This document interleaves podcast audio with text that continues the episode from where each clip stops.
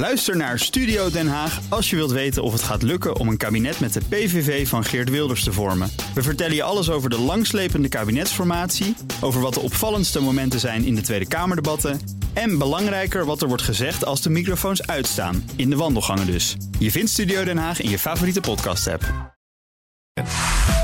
BNR Nieuwsradio. BNR De Wereld. Bernard Hammelburg. In deze voorlaatste week van de Duitse verkiezingscampagne probeert SPD-leider Schulz met aanvallen op de alternatieven voor Duitsland en het aandringen op een tweede televisiedebat met Merkel nog iets aan zijn uitzichtloze positie te doen, maar zonder resultaat. De man die de grote uitdager van koningin Merkel had moeten zijn, lijkt geen deuk in een pakje boter te kunnen slaan. Europa-verslaggever Jesse Pinster volgt voor ons de verkiezingen in Duitsland. Jesse, Merkel gaat dus niet in op die uitnodiging voor een tweede tv-debat. Had dat nou iets uitgemaakt?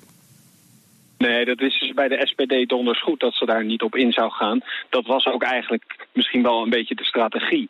Van we vragen nog om een tweede debat, dan moet Merkel nee gaan zeggen. En dan kunnen wij in ieder geval het beeld schetsen van... kijk, ze is bang. Ze is bang voor ons. Nou ja, dus uh, ze hopen toch juist met het aanvragen alleen al... toch nog misschien een paar puntjes uh, binnen te halen. Tegelijkertijd schetst het natuurlijk ook het beeld van uh, Martin Schulz... die de enige kans die hij gehad heeft om één op één in debat te gaan... dat hij daar eigenlijk niet genoeg uitgehaald heeft. Wat is er nou misgegaan met zijn campagne? Ja, het begon zo mooi, hè. Toen die uh, kandidaat was, toen stonden ze ineens nek aan nek. En toen kreeg je eigenlijk dat langzaam iedereen doorkreeg dat er niet zo heel veel inhoudelijk gezien verschil tussen de twee kandidaten waren. En dan krijg je het beeld en het beeld was dat Schulz in allemaal dorpjes de kroegen langs ging en daar handen ging schudden. En dat Merkel op het wereldtoneel stond met Poetin, met Trump. En dan uh, moet je uiteindelijk straks over anderhalve week gaan stemmen. En dan is de vraag, inhoudelijk maakt het niet zoveel uit. Wil ik dan iemand van wie ik weet dat ze het kan? Of neem ik de gok dat ik iemand anders neem. En dan uh, kiezen de Duitsers waarschijnlijk toch voor iets meer zekerheid. Ja, en, en je zegt precies zoals je zegt, die Schulz heeft niet echt een stevig alternatief aan te bieden voor de kiezer. Dus dan gok je op, op, op zeker. Hoe slecht staat de SPD er daardoor nu voor? Nou, het begint wel echt dramatische vormen aan te nemen. Dinsdag was er nog een peiling van uh, Bild, Zeitung. Um, 23,5 procent. En om dat even in een beetje perspectief te plaatsen... de slechtste score die ze gehad hebben was 23 procent. Dat was 2009.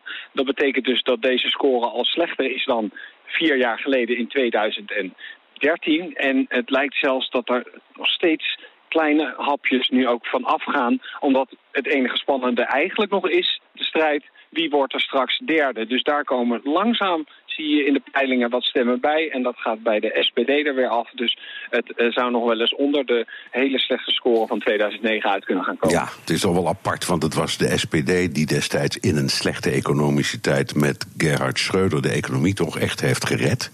Is er nou mm -hmm. bijvoorbeeld door dat soort herinneringen iets in de campagne of wat dan ook te doen, waardoor er een soort miraculeuze comeback komt?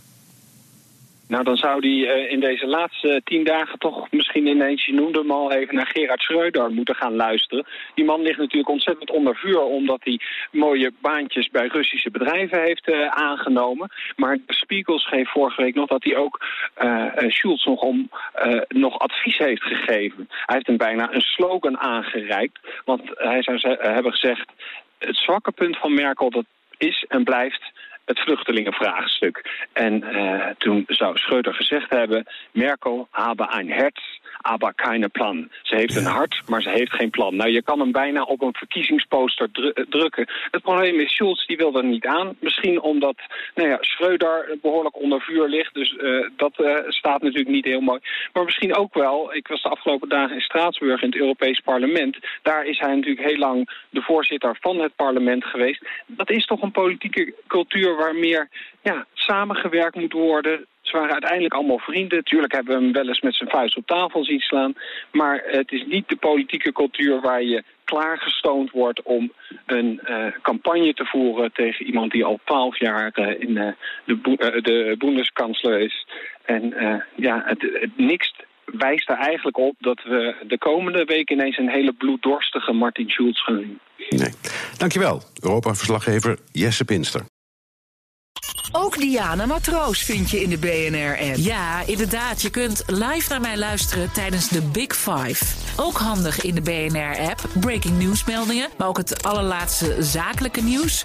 En je vindt in de app alle BNR-podcasts, waaronder Wetenschap Vandaag. Download nu de gratis BNR-app en blijf scherp.